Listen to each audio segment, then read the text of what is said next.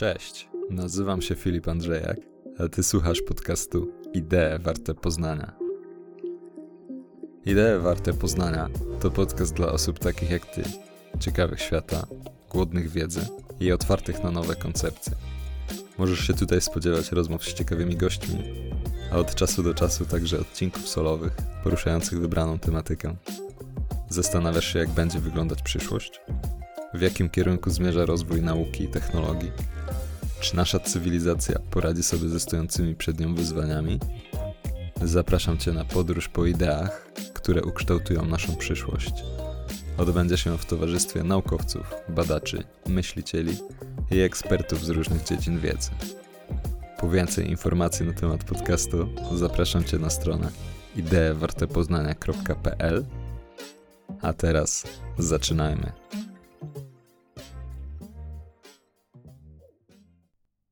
Gościem 15 odcinka podcastu Idee Warte Poznania jest Dawid Łasiński, znany również jako Pan Belfer, nauczyciel z internetów.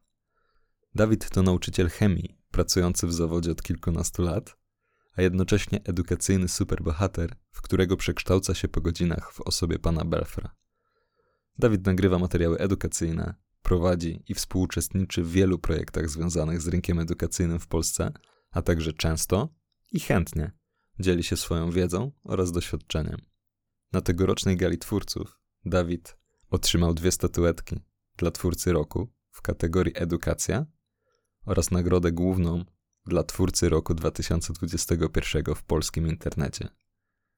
Podczas naszej rozmowy spoglądamy na edukację z różnych punktów widzenia, zarówno całego systemu, jak i poszczególnych jego interesariuszy, czyli uczniów, rodziców i nauczycieli podejmujemy się diagnozy stanu edukacji, głównie tej szkolnej, w naszym kraju oraz zastanawiamy się, jak ją poprawić dla lepszej przyszłości nas i naszych dzieci.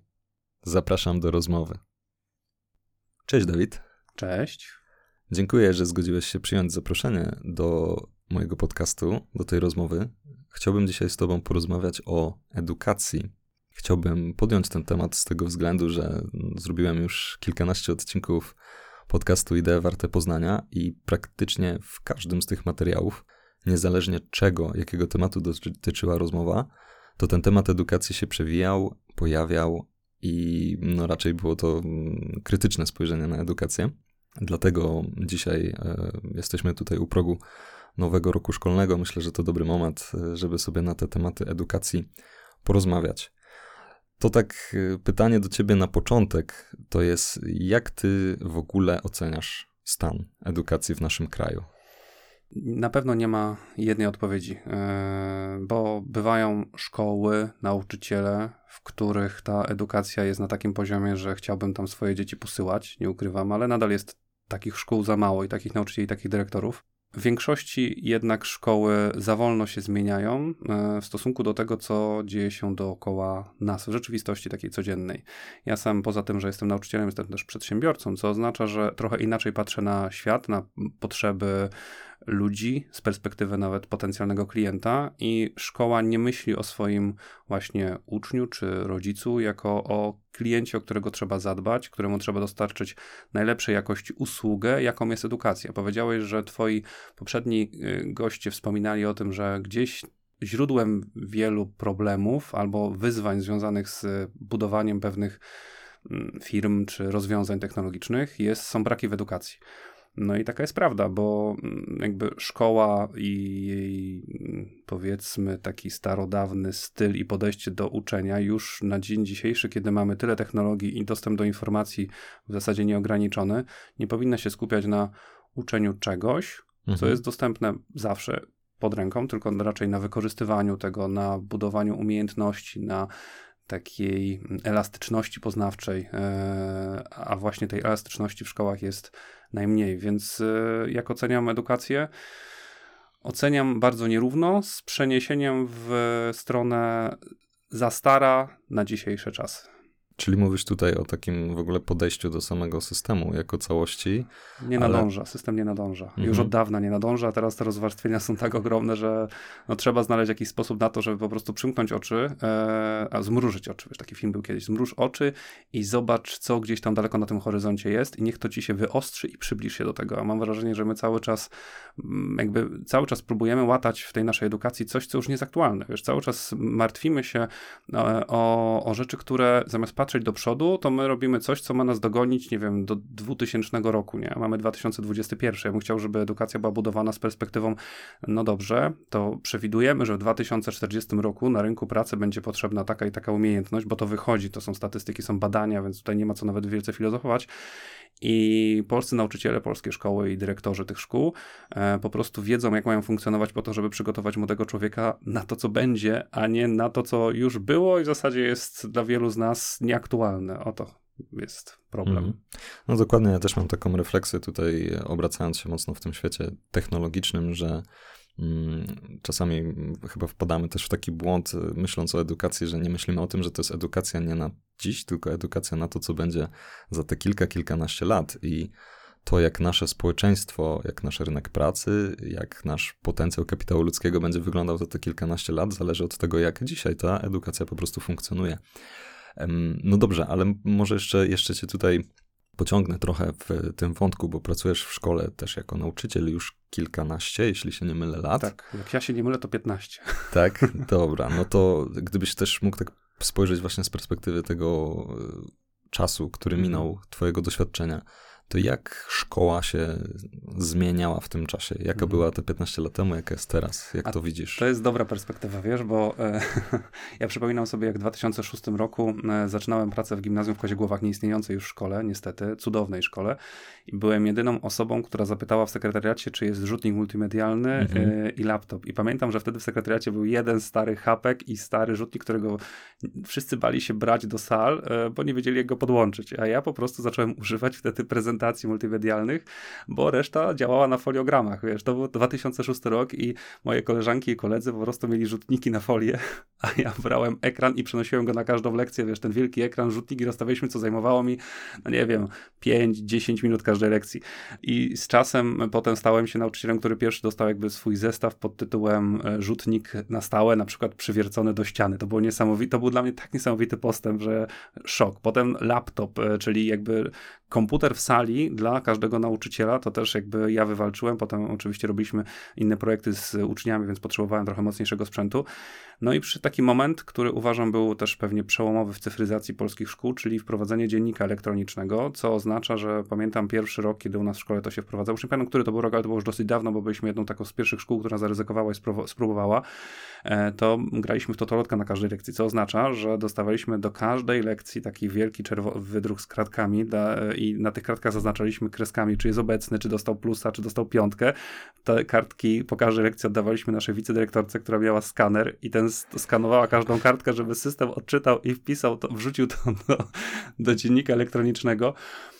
I to był po prostu, a jeszcze jednocześnie równolegle uzupełnialiśmy dziennik papierowy. Mhm. No ale po roku okazało się właśnie w trakcie, w trakcie tych wszystkich podsumowań, że wygoda m, mm, tych wszystkich podsumowań, tych wszystkich statystyk, które trzeba kiedyś było ręcznie zliczać, jest bardzo, bardzo fajna i podjęliśmy decyzję bardzo szybko i odważnie, że już od następnego roku rezygnujemy z papierków i rezygnujemy z papierowego dziennika, wchodzimy tylko w elektroniczny, a mogliśmy to zrobić dzięki temu, że firma Volkswagen i to nasza dyrektorka, pani, pani dyrektor Hanna Kościelska, wtedy załatwiła, bo Volkswagen pozbywał się starych komputerów jeszcze z takimi e, dy, tymi dużymi monitorami, trzeszczących stacjonarek.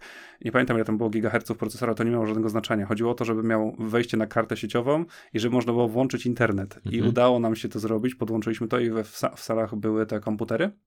No i od tego momentu mogliśmy też jakby myśleć o cyfryzacji, więc jakby takie były etapy. Na początku to było pojedyncza sztuka brana e, z, ze strachem, czy zepsuje się z sekretariatu, a kiedy mm, kończyła się, e, kończyły się czasy gimnazjum, to mieliśmy w każdej sali albo rzutnik z y, tablicą interaktywną, albo nawet telewizory takie, bo do małych sal też zaproponowałem pani dyrektor, że tam rzutniki się zmieszczą, ale to szukaliśmy polizingowych, takich 40-calowych y, ekranów, ekranów, gdzie angliści i językowcy w ogóle mogli sobie pracować na tym, więc staraliśmy się zrobić wszystko, żeby ta szkoła była chociaż trochę bardziej multimedialna i nam to się udało. E, też pewnie przez to, że jakby szukałem rozwiązań, które są optymalne, nie są drogie, bo też nie ukrywam, że e, jakby rynek e, usług edukacyjnych i produktów edukacyjnych jest dosyć specyficzny, to znaczy łatwo sprzedać w szkole produkt, który jest na rynku dostępny dużo taniej, nawet polizingowy, no bo świadomość dyrektorów, którzy często są nauczycielami, nie wiem, języka polskiego czy matematyki, świadomość technologiczna, w tamtym czasie, może teraz to się zmieniło, była na bardzo niskim poziomie, co oznacza, że z katalogu wybierało się sprzęt za kilkanaście, kilka tysięcy złotych. Ja pamiętam taką sytuację, e, jak moja dyrektorka poszukiwała nowego komputera dla sekretarki. Dla sekretarki. No i zaprzyjaźniona firma, która współpracowała ze szkołą, wyceniła komputer na 6 tysięcy złotych. E, komputer dla sekretarki, która używa programu do edycji tekstu. E, spojrzałem na specyfikację, bo mnie poprosiła pani dyrektor, mnie chemika, bo też wyjaśnimy, że nie jestem informatykiem, jestem po prostu mhm. pasjonatem technologii. Czy to będzie dobry komputer? Ja, ja spojrzałem na to i mówię, ale po co taki Joli dobry komputer? Przecież możemy poszukać czegoś innego. I co się wtedy okazało? Dlaczego też wcześniej ani dyrektorka, ani ja nie wiedzieliśmy, że szkoły na zestawy komputerowe mają VAT 0%. E, więc poszukałem firm polizingowych, które bodajże ze szwajcarskich, e, no, ze szwajcarskich banków ściągały jakieś stare dele, e, takie małe z cienkimi ekranami i pamiętam, że udało się w poznańskiej firmie za 270 zł złapać zestaw z cienkim 17-calowym komputerem i Core 2 Duo, takim 2,4 giga, który spokojnie wystarczył do wyświetlania filmów HD na YouTubie. I za jeden zestaw, który e, miał iść do szkolnego sekretariatu, wyposażyłem 5 czy 8 sal. I pani dyrektor nie wierzyła, że to jest możliwe. I pamiętam, że jednego roku, bo ona miała rozpisane, bo to też ciekawostka, planowanie budżetu na y, cyfryzację szkoły było rozpisane właśnie na wstawianie nowych komputerów z gminnych pieniędzy na chyba 3 lata. Bo no, jeżeli cena rynkowa tego komputera, który był proponowany, to było 5 tysięcy złotych, to trzeba tam, czy tam 3, czy tam 2, to trzeba było tak porozkładać. A dyrektorka moja była w takim szoku, że można tak tanio dobre sprzęty za, załatwić, że z jakichś pieniędzy, które jeszcze jej w tamtym roku zostały, wyposażyliśmy resztę całej szkoły w nowsze komputery e, z podwójnymi kartami graficznymi, w których można było coś innego wyświetlić, na przykład na rzutniku multimedialnym, coś innego na monitorze komputera. No i, i tak to wygląda, więc ta świadomość właśnie ta technologiczna też jest potrzebna. Kiedyś w ogóle myślałem o tym, że jak są organy prowadzące, czyli to są takie jednostki, pod które podlega kilka szkół, e, mhm. Warto by było, żeby w takim miejscu znalazł się, to sobie wtedy wymyśliłem, taka, taka posada by mi się przydała, e, menadżer do spraw technologii w szkole. Na przykład, czyli e, załóżmy, że jest taki doradca, który rzeczywiście obsługuje, nie wiem, 5-7 szkół. Mało tego, nawet stara się unifikować pewne rozwiązania po to, żeby nauczyciele mogli między sobą wymieniać się doświadczeniami z tymi urządzeniami, a nie jak to teraz to jest trochę w jednej sali to, w drugiej tamto, to działa tak, to działa inaczej. I wtedy taka osoba, która trochę zna się na technologii, doradza właśnie bardziej globalnie, powiedzmy, na te kilka szkół i wie, że to, co tam jest, jest zoptymalizowane pod względem potrzeb danej szkoły, możliwości nauczycieli, możliwości technologicznych, bo to też nie zawsze jest dobry internet czy cokolwiek innego. No ale to się też jeszcze nigdzie nie wydarzyło. Nie słyszałem o takiej posadzie, w której właśnie byłby taki doradca technologiczny. To szkoda trochę. Mhm. Czyli można powiedzieć, że no, na pewno pod tym względem cyfryzacji siłą rzeczy ta sytuacja się zmieniała. Może nie było to zrobione do końca optymalnie. Ale szło powoli do przodu. Ale powoli szło do przodu, no, ale to, to już no, chyba też w codziennym życiu korzystamy z takich rzeczy i trudno by było, żeby w szkole się to w jakiejś formie nie pojawiało. No to już by to już by była chyba jakaś totalna masakra. A gdybyś miał jeszcze tak powiedzieć teraz już tak z perspektywy, już abstrahując od technologii mhm. i tych zmian, które się zadziały, to jeżeli chodzi o taką szkołę jako instytucję, system, jakby taki, samą edukację, czy ona mhm. się zmieniła w tym czasie przez te 15 lat? Czy, czy to podejście się w ogóle zmieniło? Czy może niekoniecznie, czy, czy cały czas jesteśmy w tym samym punkcie?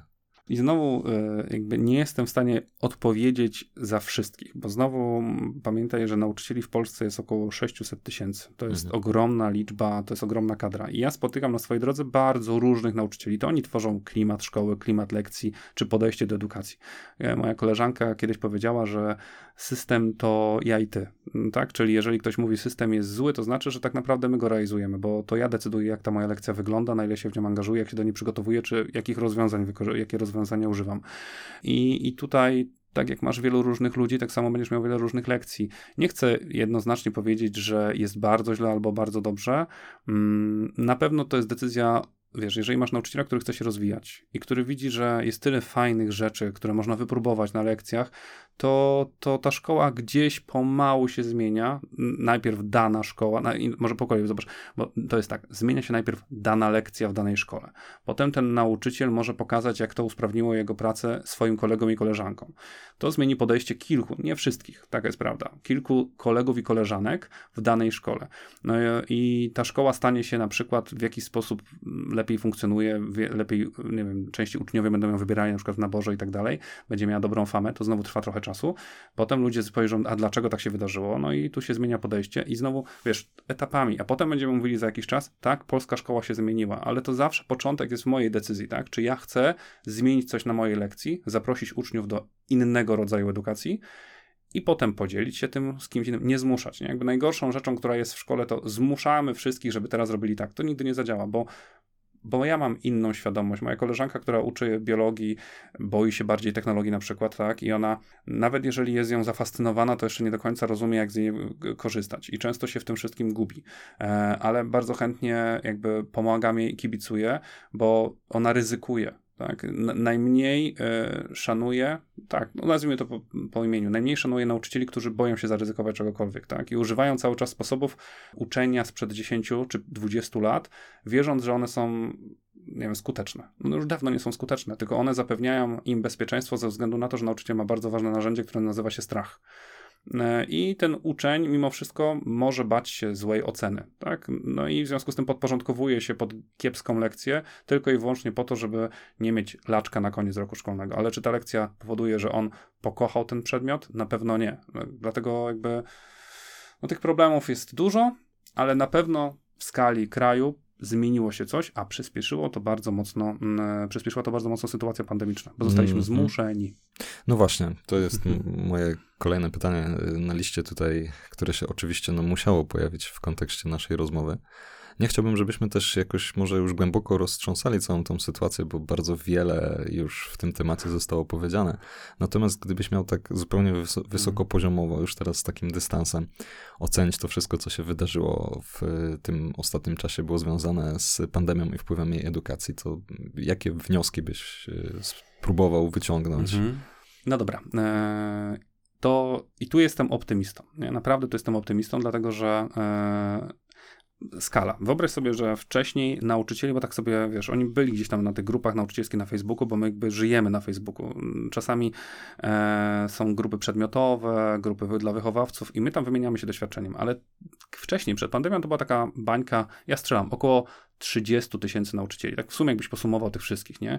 A teraz, y, po pandemii, to myślę, że mogę spokojnie zaryzykować, że tych nauczycieli, którzy krążą na Facebooku, to jest około 100 tysięcy to już jest duża skala w stosunku do 600 tysięcy, których masz wszystkich. To już jest coś, co może spowodować, że zmieni, bo te 30 tysięcy mało zmieniało, mhm. ale 100 tysięcy to już jest dużo.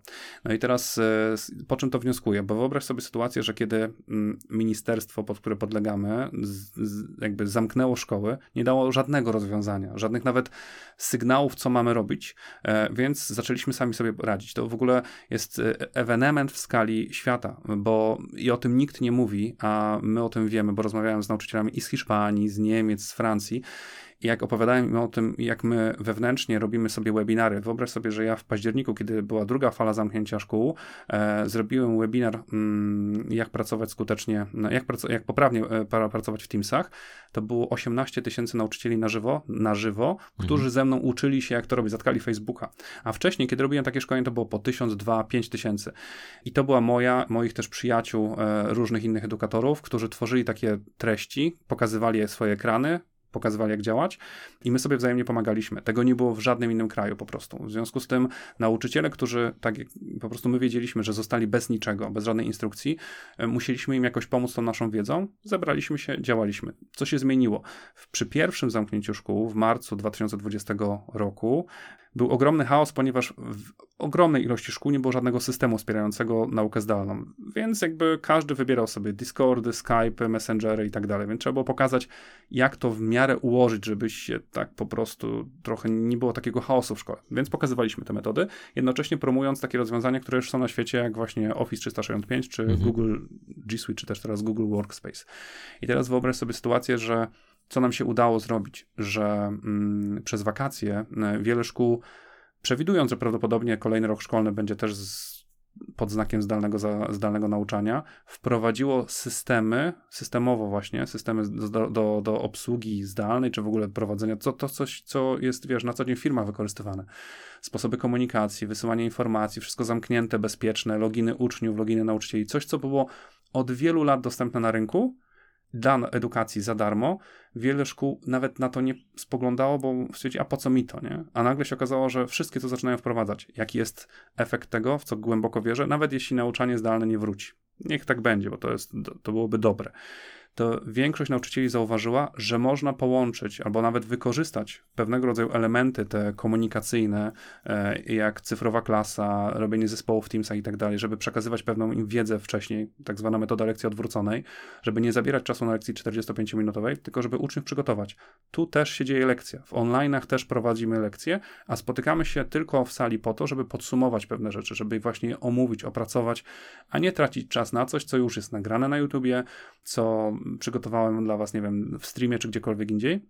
I myślę, że nauczyciele teraz trzeba mocno uderzyć i im wyjaśnić, to jest coś, co biorę sobie na klatę, że tak powiem, że doświadczenie, które mają po zdalnym nauczaniu, można również zastosować w stacjonarnej szkole, żeby usprawnić proces edukacyjny.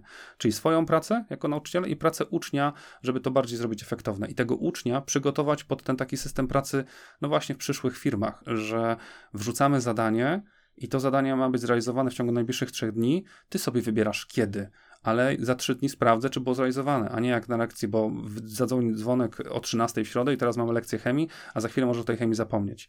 I myślę, że marzy mi się, żeby właśnie taka zmiana tego przystosowania do nauczania, jako trochę takiej odpowiedzialności za to, że szkoła jest nie tylko budynkiem, ale również czasem, który możesz poświęcić na samorozwój w domu, spowoduje, że ci młodzi ludzie zaczyna, zaczną inaczej funkcjonować i będę mógł ja jako nauczyciel lepiej zaufać w to, że oni w domu też coś zrobią, a nie tylko zrobią, bo, bo boją się oceny. Nie? Także mhm. to jest zmiana, którą przewiduję, którą będę bardzo mocno lobbował.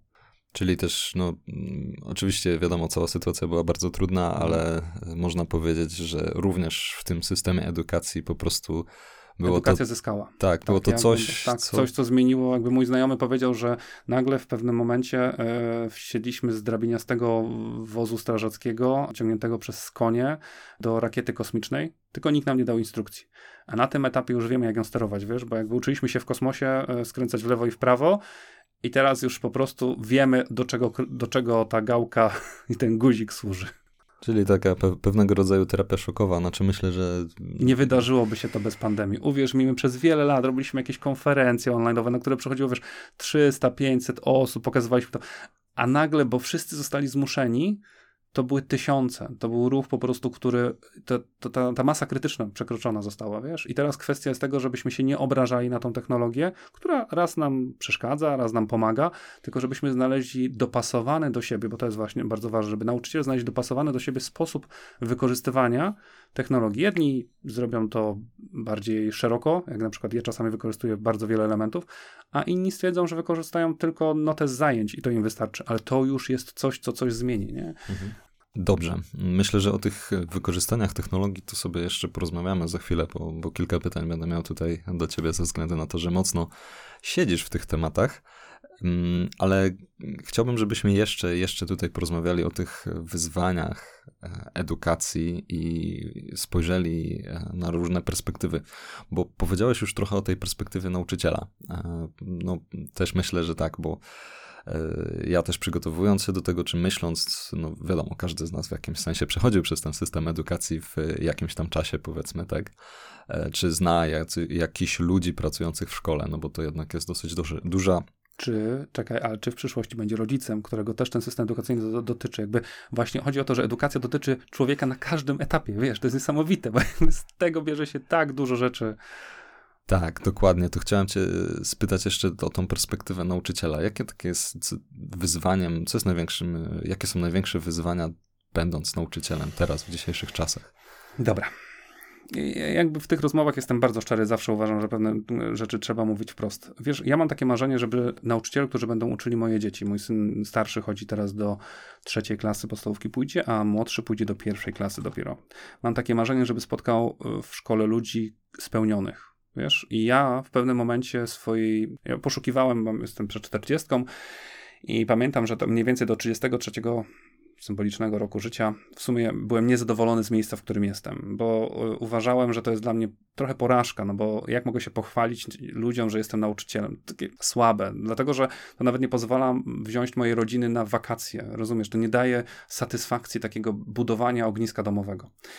A w pewnym momencie stwierdziłem, no trudno, no jestem tu, no przede wszystkim lubię pracować z tymi dziećmi. Czas mi mija strasznie szybko. E, ta praca jest codziennie inna. Ja decyduję, jak lekcja wygląda. To jest niesamowite.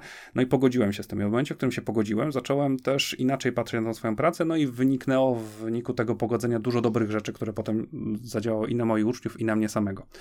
Ja mam marzenie takie, żeby, bo ja musiałem szukać różnych innych opcji, między innymi założyć firmę, e, która pokazała, że moje umiejętności, które nabyłem w szkole, e, pracując z kółkiem filmowym, są na rynku takim freelancerskim bardzo cenne E, co spowodowało, że mogłem sobie dorobić do pensji.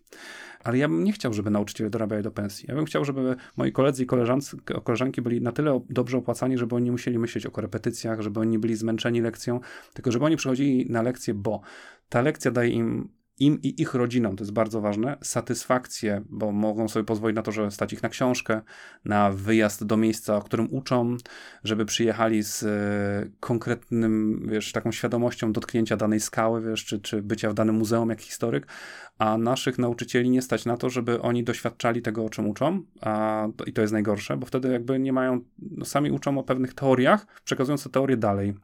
E, więc najpierw dofinansujmy nauczycieli po to, żeby oni po prostu poczuli się, że miejsce i ich zawód jest e, wartością, e, bo wtedy mm, nasi uczniowie nabiorą do nas szacunku, a nie, że ja jako nauczyciel jestem traktowany jako nieudacznik przez moich uczniów, e, bo mam ma niską pensję. Taka jest perspektywa niestety większości uczniów na, patrzących na nauczycieli i społeczeństwa też, co jest dla mnie bardzo, bardzo przykre. E, dopiero czyli, potem. Czyli powiedzmy sobie wprost, jeżeli chcemy mieć wysoki poziom musimy dobrych płacić nauczycieli. Za, za najlepszych trzeba płacić po prostu, bo ja widzę, obserwuję, słuchajcie, w tym roku 13 tysięcy wakatów jest w szkole. To znaczy, że najlepsi decydują się odejść i zostawiają po prostu szkoły. No bo wiesz, praca w szkole jest bardzo wyjątkową sytuacją, bo ja mogę w szkole, bo ja spędzałem bardzo dużo czasu, dopóki nie pojawiły się na świecie moje dzieci.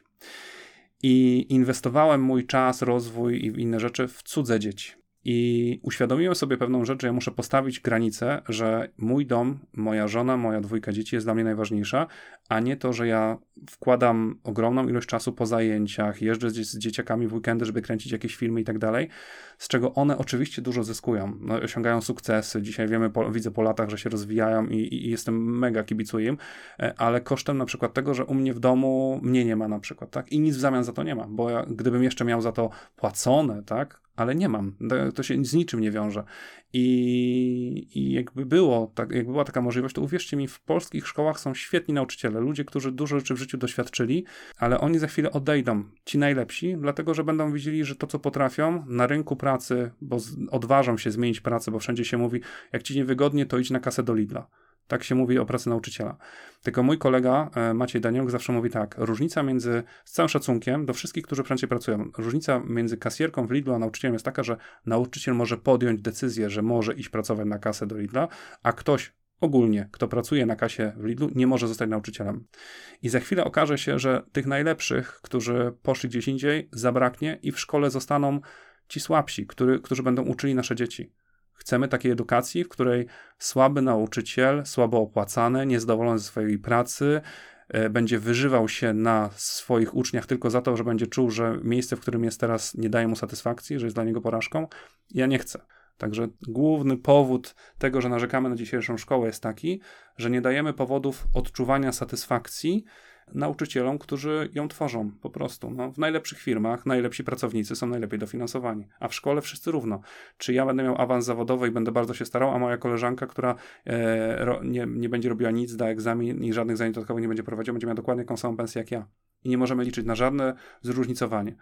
A najlepsi powiedzą wprost, oni nie potrzebują karty nauczyciela, żeby się chronić. Więc e, no, ta, ta karta nauczyciela też broni tego, to, że nauczyciela nie można zwolnić. Ja jestem za tym, żeby było to weryfikowane jak w każdej firmie. Nie spełniasz się, nie potrafisz, uczniowie cię oceniają, bo są, tak jak powiedziałem, uczeń i rodzic jest twoim klientem. Twoim zadaniem jest dostarczyć usługę, którą jest edukacja. Jeżeli ocenią cię przez kolejne 3 czy 5 lat, że robisz to źle, to dyrektor ma prawo wymienić się na lepszy model. Ale na dzień dzisiejszy nie ma takiego prawa, bo chroni nas nauczycieli karta, karta nauczyciela. Ale których nauczycieli chroni? Trzeba sobie zadać pytanie, nie? Mhm. Bo ja się jej nie boję. No tak, no ale to jest coś generalnego, to jakie środki będziemy jako państwo czy społeczeństwo przeznaczać na edukację będzie też no, odzwierciedleniem tego, jak to dla nas jest istotne tak. e, i tego, jak dobrze to będzie funkcjonować. No dobrze, ale już teraz m, mm, przechodząc jeszcze do trochę innej perspektywy, bo powiedzieliśmy sobie dużo o tej perspektywie nauczyciela, a gdybyś mógł teraz spojrzeć na tych y, dwóch pozostałych grup, które są w to zaangażowane. Jak ty oceniasz perspektywę ucznia mhm. i perspektywę rodzica? Może zacznijmy od ucznia, tak? Mhm. Faktycznie, jak ten uczeń się zmienił? Mhm. Jak on wygląda Dobra. teraz? Jakie jest jego podejście do edukacji? Ja, ja witam moich uczniów przepraszając ich, że są w szkole, bo dostali na przykład po reformie, dostali na klatę 4 e, godziny chemii, chociaż wybrali sobie technikę informatyka. Przed reformą, kiedy, bo ja mówię, pracowałem w gimnazjum, przez chwilę w szkole podstawowej, teraz pracuję w szkole średniej. Przed reformą, no, kiedy gimnazja jeszcze istniały, jak ktoś wybrał sobie technika informatyka, to miał tylko jeden rok chemii, gdzie ja go mogłem uczyć fajnych podstaw na zasadzie, czym są kosmetyki, jak dbać o bezpieczeństwo w kuchni, super rzeczy. I ja w to głęboko wierzyłem, spędzaliśmy ten czas fajnie, robiliśmy projekty, robili swoje mydła dzieciaki, super robota, nie? I teraz nagle po reformie wróciłem do sytuacji, w której ja muszę tych uczniów, którzy wybrali zupełnie coś innego niezwiązanego z chemią, kolejny nas uczyć o budowie atomu, ale trudniej, tak, w sensie po, poziom wyżej, uczyć o szeregu elektrochemicznym i o tym, jak działa bateria paluszek, a, a co jest im zupełnie niepotrzebne, no bo jesteśmy w rzeczywistości baterii litowo-polimerowych, powinniśmy uczyć się o tym, jak generuje się prąd z wodoru, a, a nie z e, baterii, które powinny już dawno być wycofane ze sprzedaży. I, I wiesz, i ja ich witam, mówiąc im, sorry, że jesteście na chemii. Mówię im wprost, 4 lata przed nami znowu tych przygód. Wiem, że prawdopodobnie mojego przedmiotu nie lubicie, bo ja nie prowadzę rozszerzeń, e, więc oni dostali go po prostu, wiesz, wybrali zupełnie coś innego. I mówię, zrobię wszystko, żebyście dobrze czuli się na moich lekcjach, żebyście się nie bali, bo zakładam, że część z nich mogła się bać po gimnazjum, bo to jest przedmiot trudny, z którym ludzie mają dużo problemów niestety, e, bo często też nauczyciele nie potrafią go wyjaśnić w dosyć prosty sposób. I mówię im, że zrobimy wszystko, żebyście dobrze się tutaj czuli. Jak się zmienił uczeń? E, uczeń mój w gimnazjum, mam wrażenie, był młodszym uczniem, to jest też ważne, i nie był tak zmanierowany, był jeszcze ciekawy, można było go pociągnąć. A teraz jak wchodzi uczeń do szkoły średniej, mam wrażenie, że go, że on już wszystko wie o życiu, że on po prostu niczego e, od nas nauczycieli nie oczekuje, niczego nie otrzyma. To jest po prostu takie, wiesz, foch, bo musi tu być foch na twarzy wypisane. I teraz zastanawiam się, skąd się to bierze. I niestety, o tyle, o ile jestem fanem internetu, ale takiego, który daje mi szansę się rozwinąć, to jak patrzę z perspektywy właśnie młodych ludzi i tego, czym oni nasiąkają w internecie, bo oni raczej nie słuchają podcastów, wiesz, chociaż są tacy, ale no, to jest mniej, mniejsze zdecydowana, albo nie oglądają jakichś wartościowych materiałów, załóżmy na YouTubie, tylko po prostu przede wszystkim idą w rozrywkę.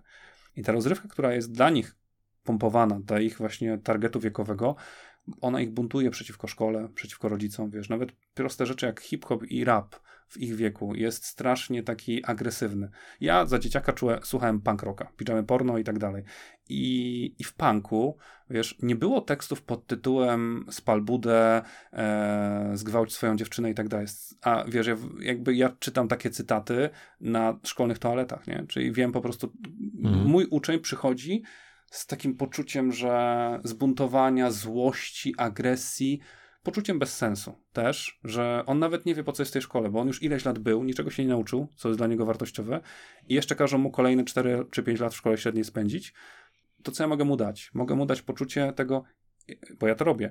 Mówię, słuchajcie, jestem Dawid Łasiński, w internecie robię to i to, jako pan Bel, część mnie zna, część mnie nie zna, jak przychodzą do szkoły i mówię, jestem po to, żeby wam pomóc. Jeżeli jestem w stanie w czymś wam pomóc, coś was interesuje, chcecie razem ze mną porozmawiać, to przyjdźcie do mnie, tak? Zawsze właśnie tworzę atmosferę taką, która mi pozwala właśnie, nie wiem, żeby to, to doświadczenie, które ja nabywałem przez lata, robiąc to, co robię teraz, żeby im przyspieszyć, skatalizować. Zawsze im tłumaczę, słuchajcie, to jest najlepszy czas w waszym życiu. Macie 16, 17, 18 lat. Nigdy w życiu nie będziecie mieli więcej czasu dla siebie niż teraz Ja zarywam nocki, bo muszę znaleźć bilans między, balans między byciem ojcem, mężem, pracować, prowadzić firmę, byciem nauczycielem. A wy macie całe życie dla siebie. Mamy ten sam tort, który składa się codziennie z 24 kawałków. Co wy z nim robicie? I daję im taką motywację. Często słucham jakichś podcastów motywacyjnych i tak dalej. Nawet, wiesz, ucinam fragmenty lekcji takie na 15 minut. Mówię, słuchajcie, teraz zrobimy coś dla siebie. Mhm. I puszczam to, bo ja w to wierzę, że oni muszą tego w szkole posłuchać. Być może już jest za późno, wiesz, w szkole średniej, jak tak patrzę, niech oni już tak przebić się przez tą ścianę niechęci jest bardzo ciężko. W gimnazjum było prościej właśnie, bo oni jeszcze, jeszcze nie byli tak bardzo zmanierowani. Mhm. No. no to jest, no to jest, to jest no, pewnie no smutne, no, ale też ciekawe. Znaczy to jest też paradoksalne w tym znaczeniu, że przynajmniej z mojej perspektywy, tak, no mhm. ja powiedzmy, że z systemem takim szkolnym, typowo licealnym, nie wiem, ukończyłem około też 15 lat temu, powiedzmy, że ukończyłem ten etap edukacji i też z perspektywy teraz patrzenia mm, na te 15 lat i to, jak przez te 15 lat świat się zmienił, sytuacja się zmieniła, dostęp do wiedzy, do informacji, do internetu się zmienił, no to my jeszcze te 15-20 lat temu żyliśmy w zupełnie innej epoce informacyjno-cyfrowej. I możliwości, które są teraz, dostęp y, do wiedzy, do mhm. uczenia się różnych rzeczy jest, jest wręcz oszałamiający, tak? Jeżeli tylko Masz ma... wewnętrzną motywację i rozumiesz, po co to robić. I widzisz, szkoła to jest niesamowite. Szkoła nie uczy uczyć się. Mhm. Nie? I to jest, to jest tak przykre, że jakby ja nie mam na czym budować. Ja nie mam na, bu, nie, tam nie ma pasji do uczenia się. Wiesz, ty i ja codziennie uczymy się czegoś nowego, nie? Ja wczoraj instalowałem nowe programy, uczyłem się budować WordPressa offline'owo, bo zazwyczaj robię to online na serwerach, oglądając filmiki na YouTubie, bo mam konkretny cel. Wiem po co, bo tworzę właśnie nową stronę internetową, czy też aktualizację mojej strony internetowej. A teraz mój uczeń przychodzi do szkoły i on dostaje, wiesz, gotowe dania, które mu nie smakują. A teraz wyobraź sobie, że on mógłby sobie skomponować swój zestaw, nie? I, I on stwierdza, dobra, dzisiaj próbuję sobie tego, jutro tego, pojutrze tamtego. Tylko, że to wymaga elastyczności znowu ze strony nauczyciela, z elastyczności ze strony podstawy programowej. I w ogóle wczoraj właśnie też prowadziliśmy tą debatę i tam padło bardzo fajne sformułowanie, a gdyby na lekcjach po prostu można było się ponudzić. Nie? Wiesz, mm -hmm. ja mam blok, wyobraź sobie chemii nie 45 minut, tylko na przykład mam jeden dzień chemii w miesiącu. Koniec. Ja nie potrzebuję więcej. I oni wchodzą i celem jest na przykład węglowodory nasycone. Jest temat na lekcji na, i oni wiedzą, że spędzają ze mną 5 godzin. Jedyną rzeczą, którą, o, której mogą wtedy robić, jest tylko ten temat. Mają go sobie przewertować, dyskutować. Jedni stworzą plakat, a ja siedzę podpowiadam, chodzę, krążę, mam czas na to, mam przestrzeń, a oni wiedzą, że, a nawet jak mają czas, to sobie tam 15 minut obejrzą jakiś filmik na YouTubie, inny zupełnie, ale wiesz, mamy 5 godzin, nie muszę się śpieszyć a oni mają czas na to, że z tych nudów i tak wypracują coś, nie? A my musimy pędzić w 45 minutach zgodnie z szablonem, e, bo, no bo musimy się wpasować, nie? Bo za chwilę będzie jakiś egzamin, do którego ja muszę dostosować moich uczniów, bo rodzice oczekują tego, że ich uczniowie zdadzą dobrze egzamin. No tylko, że potem zobacz, kto sprawdza te egzaminy, w sensie, co one dają w przyszłości. One dają ci tylko i wyłącznie, to jest takie gamifikowanie procesu edukacji, nie? Ale tylko, tylko tego tak. procesu, nie? Jakby zdobądź więcej punkcików, żeby dostać się do, na wyższy level, nie? A potem nagle kończysz grę, która nazywa się szkoła i nikt nie patrzy na te punkty, które zdobywałeś, nie? Wiesz, jakby... Dokładnie. Dokładnie. Po co ta gra, nie? No. Tak, gramy, gramy w tą grę, a później właściwie nie wiadomo, co z tymi punktami. No, dokładnie. Nawet zrobić. na świeżaka nie wymienisz. Tak, i trzeba, no, i trzeba się zderzyć z tą rzeczywistością. Ale wspomniałeś już trochę o oczekiwaniach rodziców, no to może przejdźmy jeszcze do tego. Mhm. Mm, jak wyglądają takie interakcje właśnie nauczycieli z rodzicami? Jak wygląda podejście mm, rodziców? Ja mam ogromny szacunek do rodziców z tego wychodzę. E, do ucznia mam szacunek, do rodziców mam szacunek, e, chociaż czasami nie każdy uczeń na ten szacunek mój zasługuje, bo tak jest prawda, że ja już znam swoją wartość i chciałbym, żeby mój uczeń też doceniał tą wartość człowieka, z którym się spotyka. A czasami tego nie robię. No ale ja też kiedyś byłem zbuntowany, też wiem, jak zachowywałem się w szkole. Nie zawsze jestem z tego dumny, ale, ale uważam, że to spowodowało, że jestem dzisiaj mm, pełnym człowiekiem, nie? bo swoje też gdzieś tam grzeszki mam. E, więc mogę przymknąć oko na podejście innych e, do mnie. Ale rodziców zawsze staram się zrozumieć, ponieważ rodzic ma swoje wyzwania codzienności, wiesz, on nie ma czasu teraz e, spędzania, wiesz, z uczniem, on pędzi też za jakąś najniższą postawą, znaczy na, najniższą krajową, musi gdzieś zapewnić ten dobrobyt. Często to są też e, rodziny rozbite, coraz częściej, to jest niesamowite, że widać od razu po prostu, słuchaj, ucznia, który sobie nie radzi, to on ten bunt wylewa w szkole, a potem nagle się okazuje, że ten uczeń po prostu ma problemy w domu. I jeżeli ja miałbym oceniać komuś i dawać mu jedynki, to sprawdzian właśnie przygotował, a potem nagle się okazuje, że jego rodzice się rozwodzą, albo na przykład taka prosta rzecz, że wiesz, rzuciła go dziewczyna, nie? A ja mu upierdzielam kawałek życia sprawdzianem z chemii. Czy dla niego w tym momencie jest ważne to, czy on się nauczył tych węglowodorów, czy zna jaki jest wzór e, metanu, etanu i propanu? No w życiu nigdy. Moim zadaniem jest bycie człowiekiem w edukacji. Tak? I tak samo dla rodzica. Ja rozmawiam, pytam się, jak mogę pomóc. Teraz na przykład mieliśmy egzam, mam dwa egzaminy poprawkowe. E, rzadko kiedy są egzaminy poprawkowe, ale tych dwóch uczniów sobie poleciało w kulki. Dawałem im szansę, nie skorzystali, więc mówię, dobra, są pewne granice. No i e, mam taki zwyczaj, że zawsze dzwonię w połowie wakacji, żeby przypomnieć rodzicom o, o tych egzaminach uspokajam ich jednocześnie, bo oni są zestresowani. Mówię, mówmy się tak, że ten i ten uczeń mm, no nie, nie zachował się najlepiej w tym roku, no wiem, wiem, powtarzam i tak dalej, mówię, ale ja nie jestem, powiedziałem, ja nie jestem nauczycielem, który będzie udowadniał, jak słaby jest dany uczeń.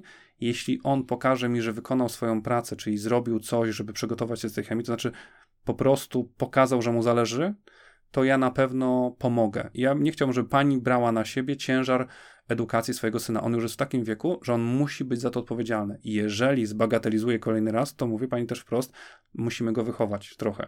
I ona mówi tak, tak, dziękuję i tak dalej, rozumiem. Więc jakby to wsparcie jest ważne dla tego rodzica. Jak są zebrania z rodzicami, rzadko kiedy do mnie przychodzi jakiś rodzic, bo nie staram się być problematyczny.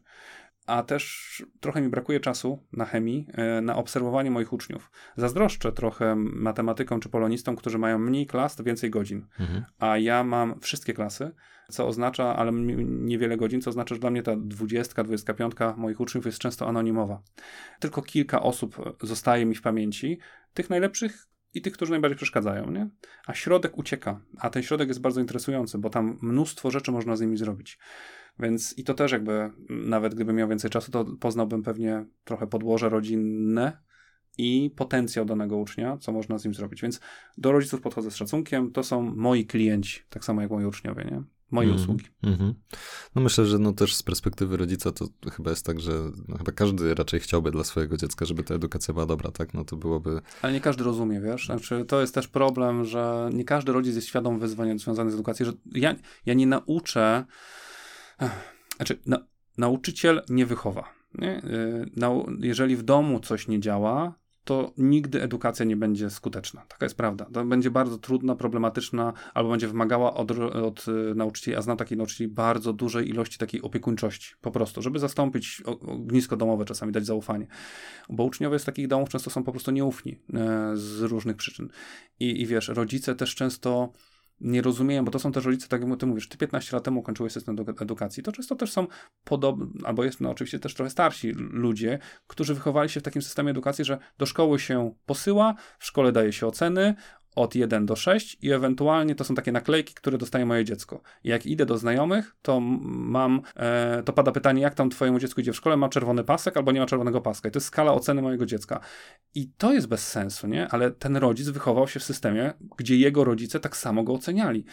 I my jesteśmy na takim etapie mocno przełomowym. Świadomi nauczyciele mówią, zostawmy te oceny jakby w ogóle po co mi są? Jakby ja nie wierzę, nie? Bo mówię, wczoraj, tak jak powiedziałem, rzuciła kogoś dziewczyna, a on dzisiaj pisze sprawdzian. To czy to, że on akurat 14 kwietnia napisał sprawdzian na jeden oznacza, że on przez cały rok szkolny uczył się na jeden. Nie, on po prostu, tak wiesz, czym jest pogoda, nie? To jest chwilowy stan klimatu. Czym jest wiedza? No, no ta na sprawdzianie, chwilowy stan emocjonalny mojego ucznia też na, za to odpowiada. Mu się nie chciało nauczyć na przykład. Mhm. I, I wiesz, i ten rodzic oczekuje ode mnie, że ja wycenię jego dziecko, człowieka, na dostateczny, dobry, bardzo dobry albo celujący. A ja już to nie wierzę. Jako nauczyciel nie wierzę, że ja mam takie prawo. Ja mogę powiedzieć, z tobą pracuje mi się super. Z tobą nie. Na przykład. Brakuje mi w tobie takiej chęci do współpracy, otwartości. Dla mnie to jest ocena szkoły, tak? Szkoła to zresztą przecież powinna być zabawa przede wszystkim, a my to znowu wrzuciliśmy właśnie w gamifikowanie, nie? Tak, że produkujemy taki system no. E, quasi korporacyjny, no każdy przez to przeszedł i może faktycznie ta perspektywa rodziców przez to jest y, również skrzywiona. Mm, no dobrze, może teraz już odejdźmy trochę i, i od tych problemów, bolączek, diagnozy stanu obecnego i porozmawiajmy o tym, jakby to można zmieniać i co robić, jak działać, żeby ten system funkcjonował lepiej. Mhm.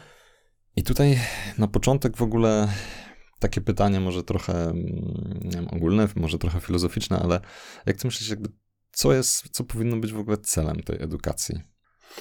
Umiejętności kluczowe. Wiesz co, ja po prostu, ja, ja bym zmienił przedmioty pod tytułem, wiesz, wywaliłbym jakiś pod tytułem chemia, biologia i tak dalej, wstawiłbym e, współpraca, kreatywność. Wyobraź sobie plan lekcji, który wygląda dokładnie tak, nie? Jakby masz współpraca, kreatywność, rozwiązywanie złożonych problemów, e, negocjacje, to są przedmioty. To są rzeczy, których powinniśmy uczyć. Teraz wyobraź sobie, że zmieniamy podręczniki, w ogóle wyrzucamy podręczniki. Nauczyciele uczą się z podcastów, spotkań z ludźmi, szkolą się. Wiesz, często jest, wiesz, jaki jest problem w szkołach? Dyrektor nie może sobie pozwolić na to, żeby wypuścić nauczyciela na to, żeby wyjechał na konferencję, na spotkanie czy cokolwiek innego, bo on martwi się, że wypadną nauczycielowi w tym dniu lekcje. I teraz oczekujemy od nauczycieli, że będą się rozwijali, ale nie dajemy im przestrzeni. W firmie jedziesz na szkolenia, a w szkole moje szkolenie, czyli ja ucząc się, rozwijając, tracę, mój dyrektor ma problem, bo musi dać zastępstwa, e, zapłacić za nie musi jakiś organ prowadzący, co oznacza, że potem mówi, a ty już go nie wypuszczaj, bo my już nie mamy pieniędzy, żeby dawać zastępstwa, co oznacza, że on mi mówi, nie możesz jechać, się uczyć i rozwijać.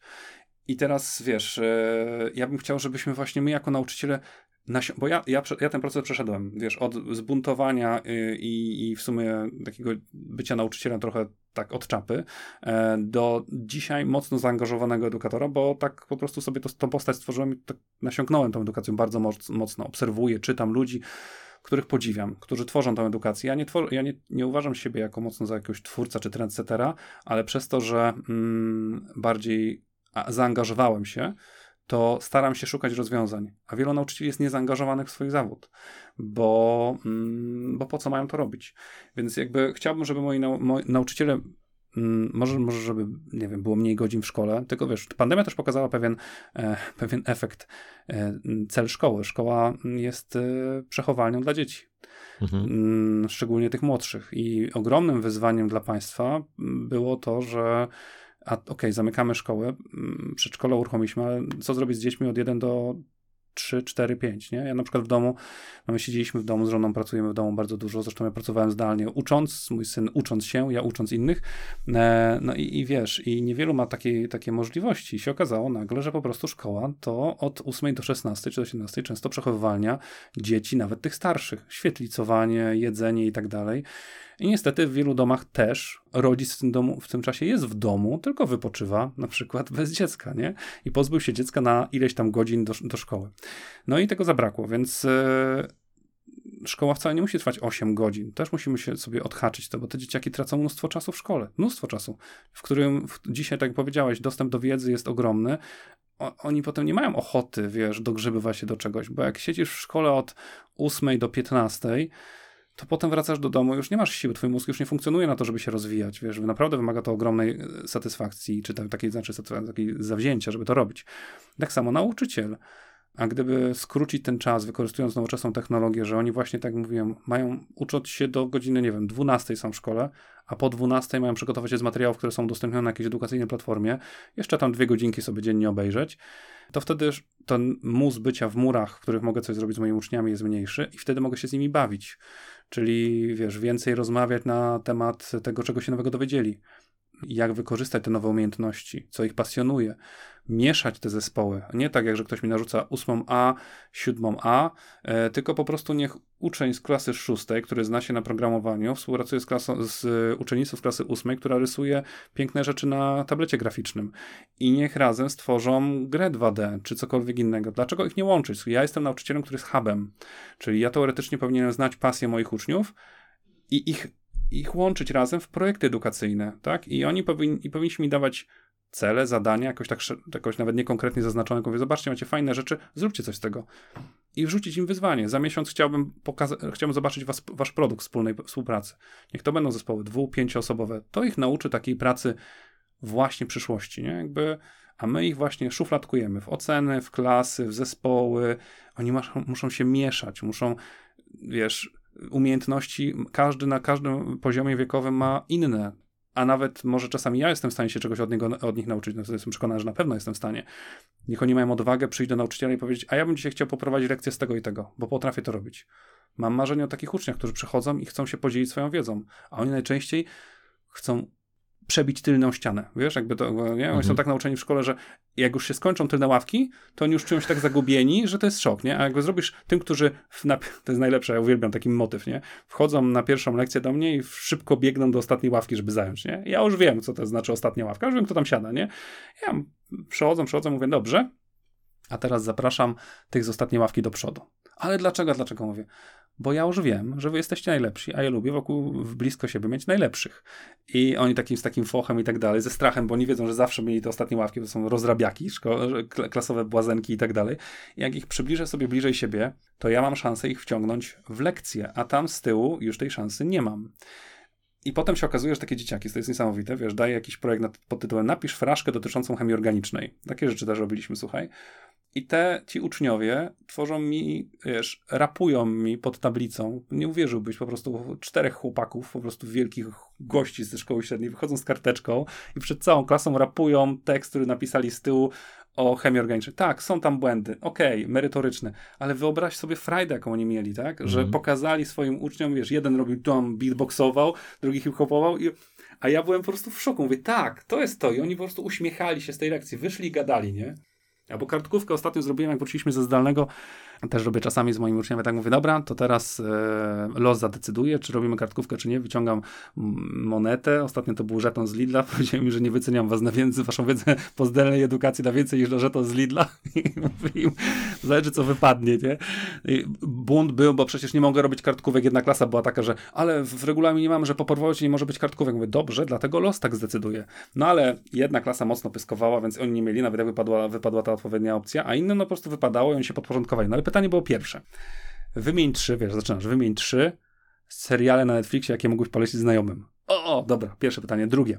Wymień pięć powodów, dla których poleciłbyś tą szkołę. I trzecie, czego nowego nauczyłeś się w, w, w czasie zdalnej edukacji? To była kartkówka, której oni nie chcieli oddawać. Jeszcze potrzebuje czasu, jeszcze potrzebuje czasu. Słuchaj, ja czytałem te kartkówki. Naprawdę napisali rzeczy niesamowite. Zapytałem ich o nich, nie o ich mhm. wiedzę, o nich, mhm. co robili, czym się interesują mam te kartkówki i to są, i one, ja je czytam i one mi pokazują, to jest mój uczeń. Nie mój uczeń metan, etan, propan, butan, czy dopisał wzór, tylko mój uczeń, który ogląda takie filmy, tym się interesuje, takie widzi zalety szkoły, w której jest. Nie? No mhm. i widzisz? No tak, znaczy myślę, że tu już przechodząc do mm, kolejnego pytania, zrobię tylko krótki wstęp, bo z mojej perspektywy, patrząc już tak zewnętrznie, oczywiście przechodziłem przez system edukacji, później już pracując zawodowo, czy w projektach, czy w technologii, czy w marketingu, czy w sprzedaży, no, w, czy w strategii biznesowej, to paradoksalnym wydaje się to, że szkoła cały czas traktuje ten sposób przekazywania wiedzy w taki, że to musi być live, tak? Że mamy te 45 minut i to jest jedyne źródło wiedzy. Tutaj masz czerpać z tego w tym danym momencie brać gdzie żyjemy w świecie, gdzie ta wiedza jest dostępna na wyciągnięcie ręki, tak? Nosimy w kieszeniach urządzenia mobilne, które są wyposażone w technologię, która 60 lat temu, lepsza niż ta, która 60 lat temu pozwoliła polecieć człowiekowi na księżyc. To daje ogromne możliwości. Dostęp do informacji jest przegigantyczny. Chyba problemem większym zaczyna być to, że my, będąc zalewani tą ilością informacji, nie mamy kompetencji odpowiednich, żeby ją zweryfikować, sprawdzić, yy, ocenić jej wiarygodność, yy, poskładać to sobie jakoś do kupy. Ale mm, to tak w ramach krótkiego wstępu. Natomiast tutaj chciałem Cię zapytać o tą Twoją drugą osobowość, to jest pana Belfra, -hmm. ponieważ jesteś też twórcą internetowym, tak, edukacyjnym, który tworzy materiały na YouTube'a, na Facebooka, na różne media, w każdym razie wideo, w którym przekazujesz tę wiedzę na temat chemii. Nie tylko chemii. Nie tylko chemii, mhm. ale od tego, od tego się zaczęło. Od tego się zaczęło. Jak ty myślisz, czy, czy mm, z perspektywy, czy to jest taka droga, która mogłaby gdzieś tam systemowo to rozwiązać? Na zasadzie, gdybyśmy jako system zdecydowali się przygotować naprawdę świetne materiały w formie multimedialnej, która będzie która będzie jakoś równała do tych standardów, które są dostępne na rynku, tak, no bo ja sobie poglądam coś na Netflixie, to chciałbym, żeby to, co mam w szkole, było co najmniej tak dobrej jakości, inaczej uważam to za coś słabego i Mhm. nieangażującego z punktu Mhm. widzenia ucznia. Czy myślisz, że to byłaby droga do tego, żeby w jakiś sposób tą edukację zmieniać, budować, tworząc takie rzeczy raz, wykorzystując je wielokrotnie, inwestując w robienie świetnych materiałów i Mhm. później wykorzystując je do edukacji synchronicznej. Czy myślisz, że to jest dobra Hmm. droga, czy to może być droga przyszłości dla edukacji? Tak, to jest dobra droga. To się dzieje, wiesz, to, to, to, to się dzieje, tylko to się dzieje jeszcze tak trochę mm, źle z mojej perspektywy. Wiesz, że jest taki system, e, drugi raz jest, albo trzeci raz już jest zbudowany, bo to wiesz, że formy robią e-podręczniki. E-podręczniki to jest e, nasz krajowy system właśnie takich repozytorium takich materiałów dydaktycznych przygotowanych z góry, opłaconych przez tam mm, budżet, budżet państwa. I miałem przyjemność nawet zrobienia kilku odcinków, miałem zrobić więcej do, do chemii i powiem ci, co jest straszne w tym systemie. On jest totalnie niefajny. W sensie, wiesz, ja muszę tam zrobić tak nudne tutoriale, które po prostu zabijały, zabiły całą przyjemność uczenia się, nie? Mają być Mhm. tylko i wyłącznie suchym przekazywaniem wiedzy, a, a z, i, i tabelek, wykresów, i, a wiesz, a to, to, co ja zrobiłem na, na YouTubie, to jest właśnie bycie nauczycielem dla nich. I mam ogromny problem z tym, że wiele treści edukacyjnych, które są sponsorowane przez różne firmy, lepsze, gorsze i tak dalej, kończą się tylko jako taki rysik piszący po ekranie, w którym nie ma znaczenia, czy to mówi pani X, Y, Z, a dla ucznia ma znaczenie, od kogo on się uczy. Być może za tym stoi sukces tego, co ja zrobiłem w internecie, bo ja tam się pokazałem. Ja mówię, ja jestem z nim, ja się, ja się mylę, e, nie jestem doskonały, mówię żywo, a nie z kartki, a te wszystkie materiały, które są tworzone właśnie na zamówienie, one są takie sterylne. A edukacja nie jest sterylna, po prostu. I, i, I uczeń musi wierzyć w autentyczność człowieka, którego uczy, a nie w ekran i głos, bo wtedy nie identyfikuje się z wiedzą, którą zdobywa. Ja mogę to zrobić, ty też. W sensie, ty idziesz konkretnie, żeby czegoś się dowiedzieć, tobie, tobie wystarczy tutorial, Mhm. ale uczeń musi być jeszcze mieć, wiesz co, to zafascynowanie być tym tematem. I teraz, jak on nie czuje potrzeby, a ma go po prostu obejrzeć, to on go nie może nudzić, nie? Bo on, bo wiesz, bo ty chcesz wykorzystać praktycznie od razu wiedzę, więc nie ma znaczenia, czy tam będziesz widział człowieka, Tak. czy nie ma być krótko, zwięźlej na temat. A uczeń w szkole jednak musi czuć więź z nauczycielem. E, Wszędzie mówi się, że ta relacja w szkole jest istotna, tak? Że i tą relację pokazałem, że można zrobić też w internecie, bo ilość komentarzy, wiesz, ja nie jestem w stanie odpisywać na te wszystkie rzeczy, ale to są komentarze od dorosłych, od studentów medycyny, z całego świata, którzy mówią, że zrobiłem ogromną robotę, oni spędzają ze mną, wiesz, ja nie jestem tego świadom, oni spędzają ze mną ileś godzin w internecie, bo ja wrzuciłem tam po prostu materiały, które żyją swoim życiem, są tam błędy, dzisiaj wiem, że bywają tam błędy w tych, w tych filmach, ale dlatego, że ja nie mam obsługi, wiesz, stojącego sztabu e, konsultantów merytorycznych. Jestem nauczycielem tablicowym, który, tak jak każdy człowiek, ma prawo popełniać błędy.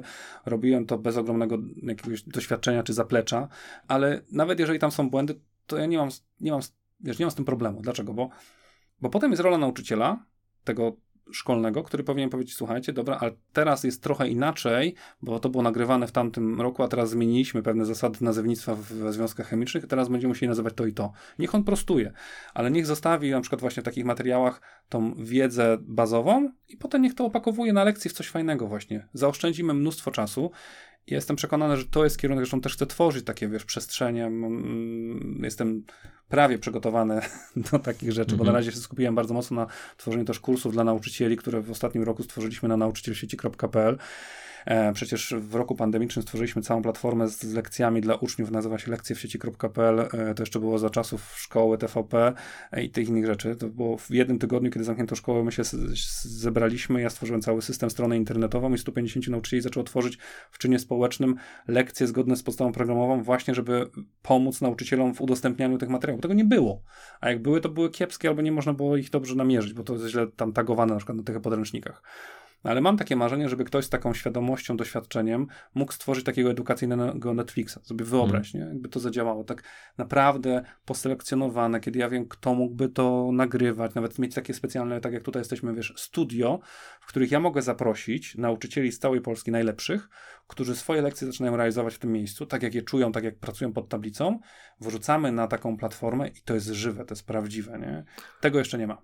Czyli nie chodzi tutaj też o taką prostą digitalizację, tak, bo ona jest bezpłciowa, ale tu też inne rzeczy, tak, no bo mamy osobę, charakter, Tak. taką w pewnym sensie też markę osobistą No tak. i kiedy byłoby takich osób więcej, pokazujących też chociażby te, te same rzeczy, ale z różnej perspektywy, to też inaczej można by przyciągnąć uczniów, tak? No bo tak jak ze wszystkim, tak mi się jeden serial może podobać, tobie nie, mi się sposób stworzenia czy komunikacji jednej osoby może niekoniecznie rezonować z moimi potrzebami, innej zupełnie, tak, jesteśmy różni.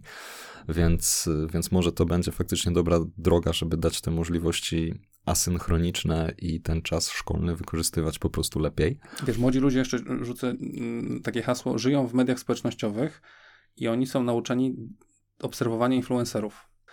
E, jak pan Belfer powstawał, to ja sobie założyłem w 2011 roku, że będę tym nauczycielem z internetów, czyli influencerem edukacyjnym. Nie było wtedy, był e, Przemek Staroń e, jako profesor Snap, ale to dopiero dowiedziałem się później. Ja zrobiłem trochę researchu e, w internecie i nie było czegoś takiego, że nauczyciel budował markę osobistą. Mamy mnóstwo kanałów z ciekawostkami. Wiesz, jest naukowy bełkot, jest MC kwadrat, to są, ale to są ciekawostki. A mi brakowało jako nauczycielowi naprawdę czegoś, co pomaga mi w pracy. I tego nie było.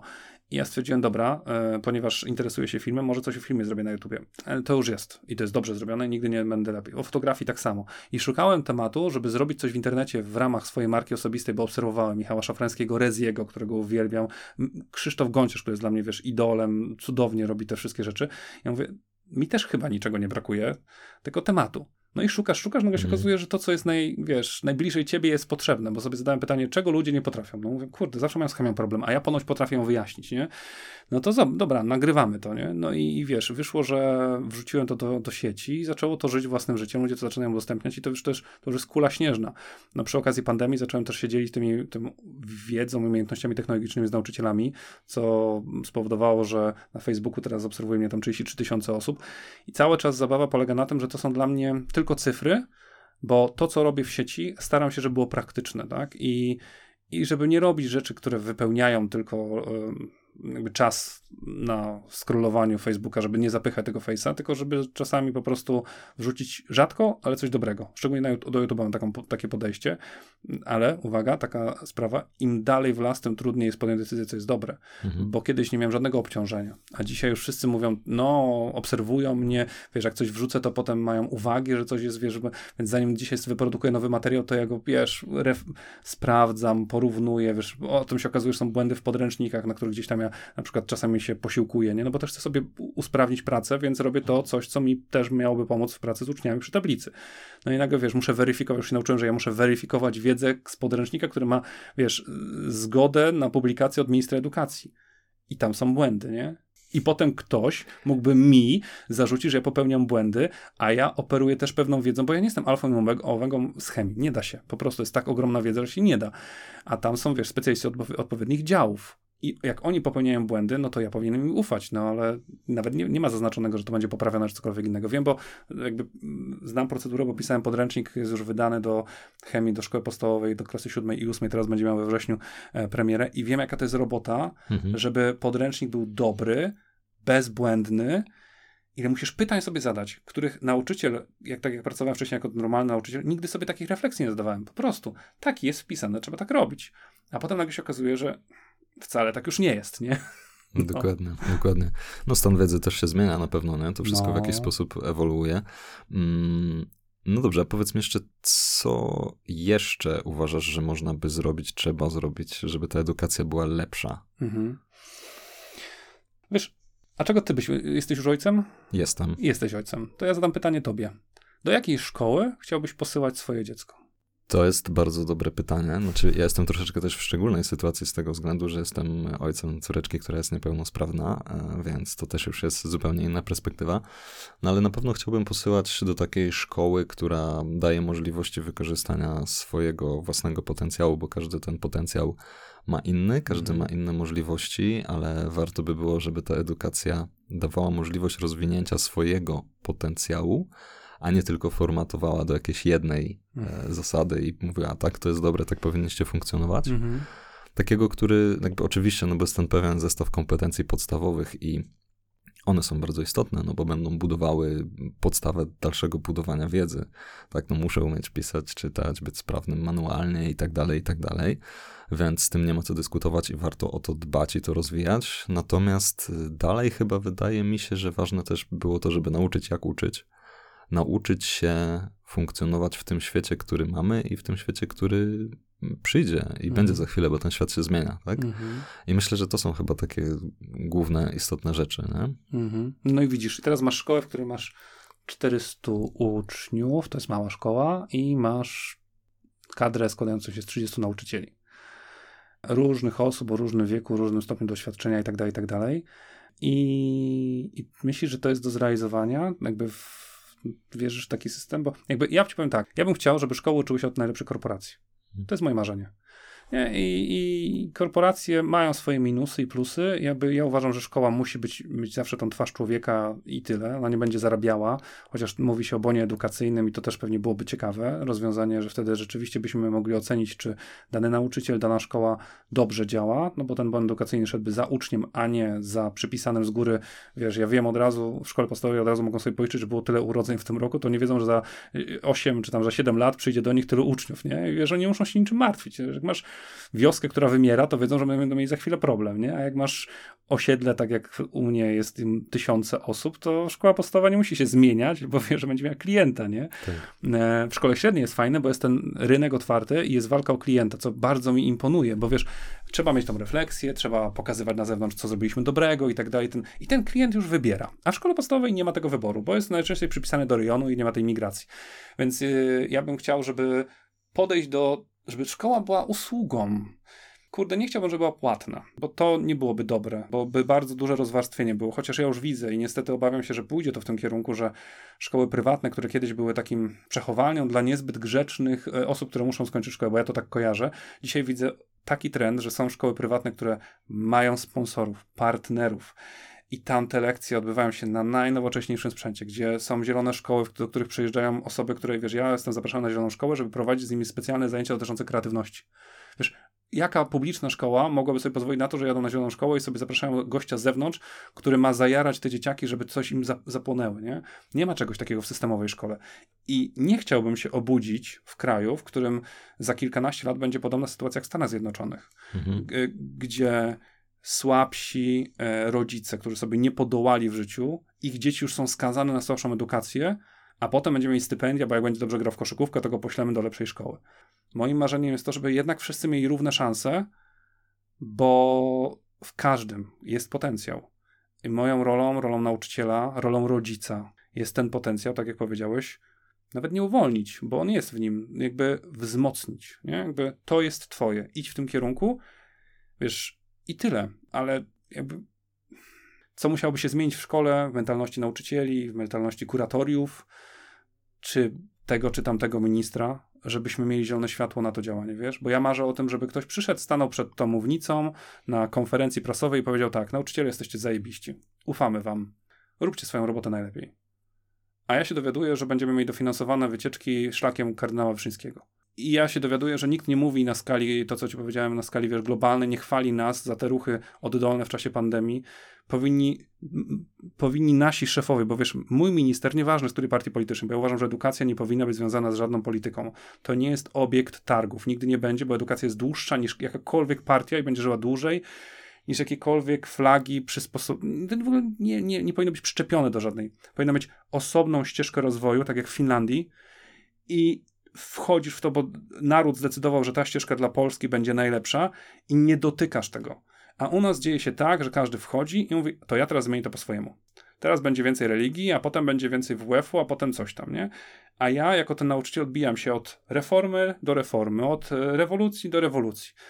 Niech mi ktoś pokaże, że mi ufa, niech robi dobry PR polskiej edukacji na zewnątrz, bo można, bo nie jesteśmy wcale tacy, tacy źli niech powie, nauczyciele to przyszłość naszego kraju, bo oni będą mm, dbali o to, żebyśmy mieli w kraju najlepszych lekarzy, najlepszych technologów, e, dietetyków, e, w ogóle twórców kreatywnych. I bycie nauczycielem w Polsce to coś, to, to zrobimy wszystko, żeby to będzie powód do dumy i będą kolejki stałe najlepszych ekspertów, żeby chociaż przez pół roku pracowali w polskich szkołach. Wiesz, że z twojej firmy tutaj ktoś pójdzie i powie, kurczę, ale bym sobie w szkole popracował, tak pół roku podzielił się na takich specjalnych zajęciach, nie? I on tu dostanie wakat na chwilę, poczeka za nim miejsce i on wybierze sobie szkołę, w której chciałby się podzielić swoją wiedzą, idzie tam, na pół roku robi kurs z tymi dzieciakami, zasiewa to ziarno, wraca tutaj, a za 5-10 lat przychodzi osoba, z którą on się spotkał na tym pół roku i rozumiesz, to jest, to jest moje marzenie jakby. Mm. Realne w Polsce? No, musielibyśmy chyba dojść jako. Złapać złotą rybkę, wiesz? Tak, znaczy jako społeczeństwo dojść do tego, że to jest inwestycja i to, jak podchodzimy do edukacji, będzie przynosiło efekty za ileś tam lat. I, I to, jaka jest szkoła, to jest również Twój obowiązek. Rozumiesz, nie? Jakby to nie jest tak, że to jest usługa, którą podrzucasz ucznia na 8 godzin i tyle. Nie. Jeżeli chcesz, żeby szkoła była lepsza, to przyjdź do tej szkoły, zapytaj, co możesz dla niej zrobić, nie? To jest dla mnie najważniejsze. Jeżeli coś potrafisz, ja w przedszkolu robiłem, wiesz, jakieś pokazy, eksperymenty, uczyłem BHP i tak dalej, bo ja mam obowiązek, wiesz, przekazywać tą wiedzę. I ja nie oczekuję, że, mój, że nauczyciele w szkole mojego ucznia będą wiedzieli wszystko o świecie, bo nie są w stanie. Ale ja nie mogę się bać relacji ze szkołą jako rodzic. Jeżeli szkoła da mi możliwość podzielenia się swoją wiedzą, to ja przyjdę, zrobię warsztaty, ja ich zajaram i tak dalej, ale niech ona będzie też otwarta na rodzica, bo szkoły często boją się tego, e, bo nagle, nie wiem, boją się, że będą przez tego rodzica oceniani. Wiesz, bo buduje się jakiś dziwny mur, kiedy i tak ten rodzic wysyła tam swoje dziecko, bo, jest, bo jest zmuszony, żeby wysłać do jakiejś szkoły dziecko w naszym polskim systemie. I ten rodzic często ma ogromną wartość. Można tyle zyskać na współpracy szkół z rodzicami, że to się w głowie nie mieści. I to jest też moje marzenie, żeby rodzice się nie bali, wyjść z inicjatywą do szkoły, żeby przekonywali nawet tego dyrektora, nawet jak on się, jak dyrektor jest strachliwy, a takich jest mnóstwo dyrektorów, którzy nie chcą się wychylać, bo nie chcą podpaść jednemu, drugiemu hmm. szefowi to żeby on ich przekonał, mówi tak, z niczym to się nie wiąże, to nie będzie wiązało się z opłatą. Ja przyjdę, zrobię taki cykl, nie wiem, e, czterech warsztatów o 17, tylko wystarczy, żebyście dali znać wychowawcom w 7 8 klasie, że będę robił zajęcia z filmowania na smartfonie, bo tym się interesuje i po prostu poświęcę te weekend, te, te popołudnia, bo czuję, że chciałbym to zrobić tutaj lokalnie i tak dalej. Moje dziecko chodzi do tej szkoły i mogę oddać odrobinę swojego czasu w ramach rozwoju danej placówki nie myśli się tak. Znaczy, są takie szkoły, bywają, hmm. ale ja bym chciał, żeby to było, wiesz, tak obowiązek. Żebyśmy wszyscy w ten nie? sposób myśleli. No, no. no, dobrze, a powiedz mi jeszcze tak już na koniec, bo po części zahaczyliśmy o to, jakbyś chciał, żeby ta edukacja wyglądała, tak? Mhm. Ale czy jeszcze masz taką, masz jakąś taką wizję takiej edukacji przyszłości, czy w ogóle tego, jak, jak edukacja powinna działać, żeby było dobrze, taka, do której byś ty chciał, żeby twoje dzieci chodziły? Odwrócę mm. to pytanie, które mi zadałeś. Wiem, ale myślę, że to Dobra. bardzo celne i trafne. Wiesz co, yy, znam szkołę, szkołę w Warszawie, być może inne też tak mają, szkoła strumienie, prywatna szkoła, która ma system, tu, system tutorski. To znaczy, że tam są klasy normalne, które mają kilkadziesiąt osób, ale też każdy nauczyciel staje się tutorem dla pewnej grupy uczniów. E, o takich, a nie innych predyspozycjach i tak dalej, tak dalej. Więc ten na, uczeń i nauczyciel trochę się dopasowują do siebie. I ten tutor prowadzi tego ucznia, czy też jakby trochę jakby jest jego takim właśnie, no powiedzmy, przewodnikiem w edukacji przez cały okres trwania szkoły. No powiedzmy, może po trzeciej klasie, kiedy jest od 1 do 3, pewnie tam pewne te mocne strony opisują nauczyciele wczesnoszkolni i potem 4-8, czyli ten ten bardzo ważny czas też dla, dla młodego człowieka, ten tutor e, jakby tak coachinguje go. Nie? I wydaje mi się, że rzeczywiście taki coaching, takie wzmacnianie uczniów e, z, w oderwaniu od każdego przedmiotu, nie lekcje wychowawcze właśnie, wiesz, bo lekcje wychowawcze do niczego nie, nie służą w szkole. Wychowawca musi w to wierzyć, musi być naprawdę z krwi kości. Na przykład przez długi czas nie, nie, znaczy byłem na początku wychowawcą, ale jeszcze nie byłem rodzicem. Co znaczy, że ten, to moje wychowawstwo nie było prawdziwe. Dzisiaj, gdybym był wychowawcą, chyba umiałbym robić, robić lekcje wychowawcze, ale nie jestem wychowawcą, więc wychowuję w czasie chemii. No, tak jak ci opowiadałem, gdzieś tam robię jakieś podcasty i tak dalej. Ale czy chciałbym być tutorem? Myślę, że chciałbym być tutorem dla niektórych moich uczniów. I tak się działo w ramach kółka filmowego, wiesz, się, zbierało się grono 12 osób i my niby realizowaliśmy filmy, ale wiesz, jakby uczyliśmy się od siebie wzajemnie. Te relacje, które się stworzyły przez ten przebywanie razem na tych planach filmowych i tak dalej, śmianie się razem, rozmawianie o wszystkim, powodowało, że powstała prawdziwa relacja, o której często się mówi, taka relacja nauczyciel-uczeń. I teraz, wiesz, co jest cudowne, że oni, kiedy ja ich potrzebuję, będą moimi nauczycielami, bo wiedzą lepiej, więcej, poszli dalej, mogą się rozwinąć więcej i wiem, że wiem, że mogę na nich liczyć. Ja bym chciał tworzyć takie kolekcje relacji w edukacji, wiesz, to jest moje marzenie, bo na nich można budować potem już każdą rzecz. Czy ty zajmiesz się haftowaniem, chemią, filmem, czy czymś strasznie nudnym, jak nie wiem, obserwowanie, jak, nie wiem, wietrzeją skały wspólnie, to, to i tak będzie niesamowita przygoda, nie? Bo zależy od człowieka, z jakim ty, wiesz, wybrałeś, że będziesz spędzał więcej czasu bo on jest dla ciebie w jakiś sposób wartościowy. Więc może w ten sposób, nie? Ta, to, Mhm. to, to, ten coaching i tutoring w edukacji, taki silny, mocny. Ale to nauczyciele powinni być dobrze mieć, wiesz, tutorów. Mam taki problem też w edukacji, że wiesz, nauczyciele nie mają wsparcia psychologicznego. Żadnego. Ja mam sobie radzić, nie? A wiesz, jaka jest metoda, metoda którą się ci podadzą e, starsze koleżanki? Sprawy szkolne zamykaj, za, e, zostawiaj za, e, za, za. To jest jakby porada psychologiczna od koleżanek, które już się tego nauczyły, bo się odporniły. Wiesz, z- przez tyle lat tą skórę twardą sobie wy- wypracowały, że ci mówią jako młodemu nauczycielowi, szkolne sprawy zostawiaj po zamknięciu drzwi w szkole, nie? No, I to jest koniec porady psychologicznej dla nauczyciela. A wiesz, a ty dostajesz po twarzy problemami dzieciaków, cudownych dzieciaków, w których się okazuje, że mama jest alkoholikiem na przykład, nie? I ty dowiadujesz się i temu chłopakowi nie jesteś w stanie pomóc. I, I jedna, druga, trzecia, i wiesz, masz spotkań takich 400 w ciągu roku, każdy ma swoją historię i teraz albo to dźwigaj i się tym interesuj, tak, no bo jeżeli chcesz być dobry nauczyciel, powinieneś wiedzieć, co, z czym się zmaga dany uczeń, albo czasami, wiesz, nie chcesz w to wchodzić, nie? Bo wiesz, w co możesz wdepnąć. Ryzykowna robota. Mhm. No dobrze, to już teraz tak na, na zupełnie koniec ostatnie pytanie. Mm, Powiedz mi, czy ty jesteś w- odnośnie edukacji tego, jak się to wszystko zmienia, czy ty jesteś optymistą, czy pesymistą, czy, Hmm. czy realistą? Jak ty na to spoglądasz w ogóle, na naszą przyszłość? Ja dzisiaj spoglądam w ten sposób, że staram się robić to, co potrafię, to, co mogę, żeby ktoś mógł wybrać jakiś inny model. Tak jak powiedziałem, nie jestem zwolennikiem żadnej rewolucji, bo to się nigdy nie uda, ale mm, ścieżek y, wyboru jest wiele, jakim chcesz być nauczycielem, jaka powinna być szkoła i wybierz sobie to, co do ciebie jest dopasowane. Moja ścieżka jest taka, że trochę się bawię w tą markę osobistą, bo to jest taka sceniczna potrzeba, żeby, no, żeby to, co zrobiłem, się udało. No, gdybym nazwał się Dawid Łasiński, nauczyciel chemii, to pewnie byłoby nudno. A tak ten pan Belfer został wymyślony, sobie ma znaczek Supermana, bo to od początku żółto-czarne kolory, bo ma się rzucać w oczy. Jak gdzieś idę na konferencję, od razu koszulka, która, wiesz, powoduje, że nauczyciele robią sobie ze mną zdjęcia. Być może jestem pierwszym nauczycielem, którego, wiesz, ktoś zatrzymuje i chce robić sobie selfiaki z kimś, wiesz. I tego potrzebujemy, nie? I jakby ja wybrałem sobie opcję, dobra, ja będę Ewą Chodakowską i Zenkiem Martyniukiem polskiej edukacji. Mogę być, jakby luz, nie? Zdejmuję koszulkę, jestem Dawidem Łasickim, mężem, ojcem i to jest spoko, nie? Więc yy, wracając do pytania, które było zadane jakiś czas temu, jestem realistą, że potrzebujemy dużo czasu, żeby coś zmienić. System będzie się rozpadał na naszych oczach, bo nauczyciele najlepsi będą odchodzili z pracy. Ci najlepsi zostaną, nie wiadomo w sumie jeszcze dlaczego, będą musieli dorabiać tak jak ja w różnych innych sytuacjach, no bo system ich nie dopilnuje. Mam marzenie, żeby pojawił się kiedyś taki minister, który będzie dla mnie powodem do dumy, będzie otwarty na dyskusję, na to, że wykona do mnie telefon, mówi Łasiński wpadnij na obiad do Warszawy, pogadamy co możemy zrobić w najbliższych pięciu latach. Powie mi, tego się nie da zrobić, ale nad tym możemy popracować, znajdziemy hajs na to, żeby to wygenerować, bo przelaliśmy tyle milionów złotych na rzeczy, które nikt nie używa, że może to rzeczywiście to, co gadasz, ma sens. Mm. I żeby po prostu edukacja miała jakąś taką mapę drogową, w którą społeczeństwo uwierzy, nie? że za 20 lat twoje, twoja córka, moi synowie wyjdą na rynek pracy i będą tak wyposażeni, wiesz, że ja się nie będę już musiał martwić, a dzisiaj się jeszcze martwię. I robię to dlatego, żeby oni mieli lepiej. Tak, jak myślę, że to faktycznie będzie generowało przyszłość nas wszystkich i nas, rodziców i naszych dzieci, całego społeczeństwa i całego kraju. Także No tak. Trzymam kciuki, e, żeby się to wszystko zmieniało, szło na lepsze. Tobie życzę dużo entuzjazmu i wytrwałości w tym, żeby działać, dokładać tutaj swoją cegiełkę do poprawy, zmiany, popchnięcia do przodu tego całego systemu. Dzięki za przyjęcie zaproszenia i dzisiejszą rozmowę. Dzięki za fantastyczną rozmowę. Do zobaczenia.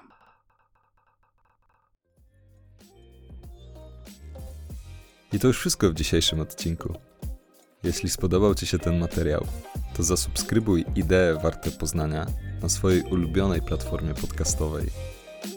Zapraszam Cię także na stronę internetową ideewartepoznania.pl oraz do mediów społecznościowych.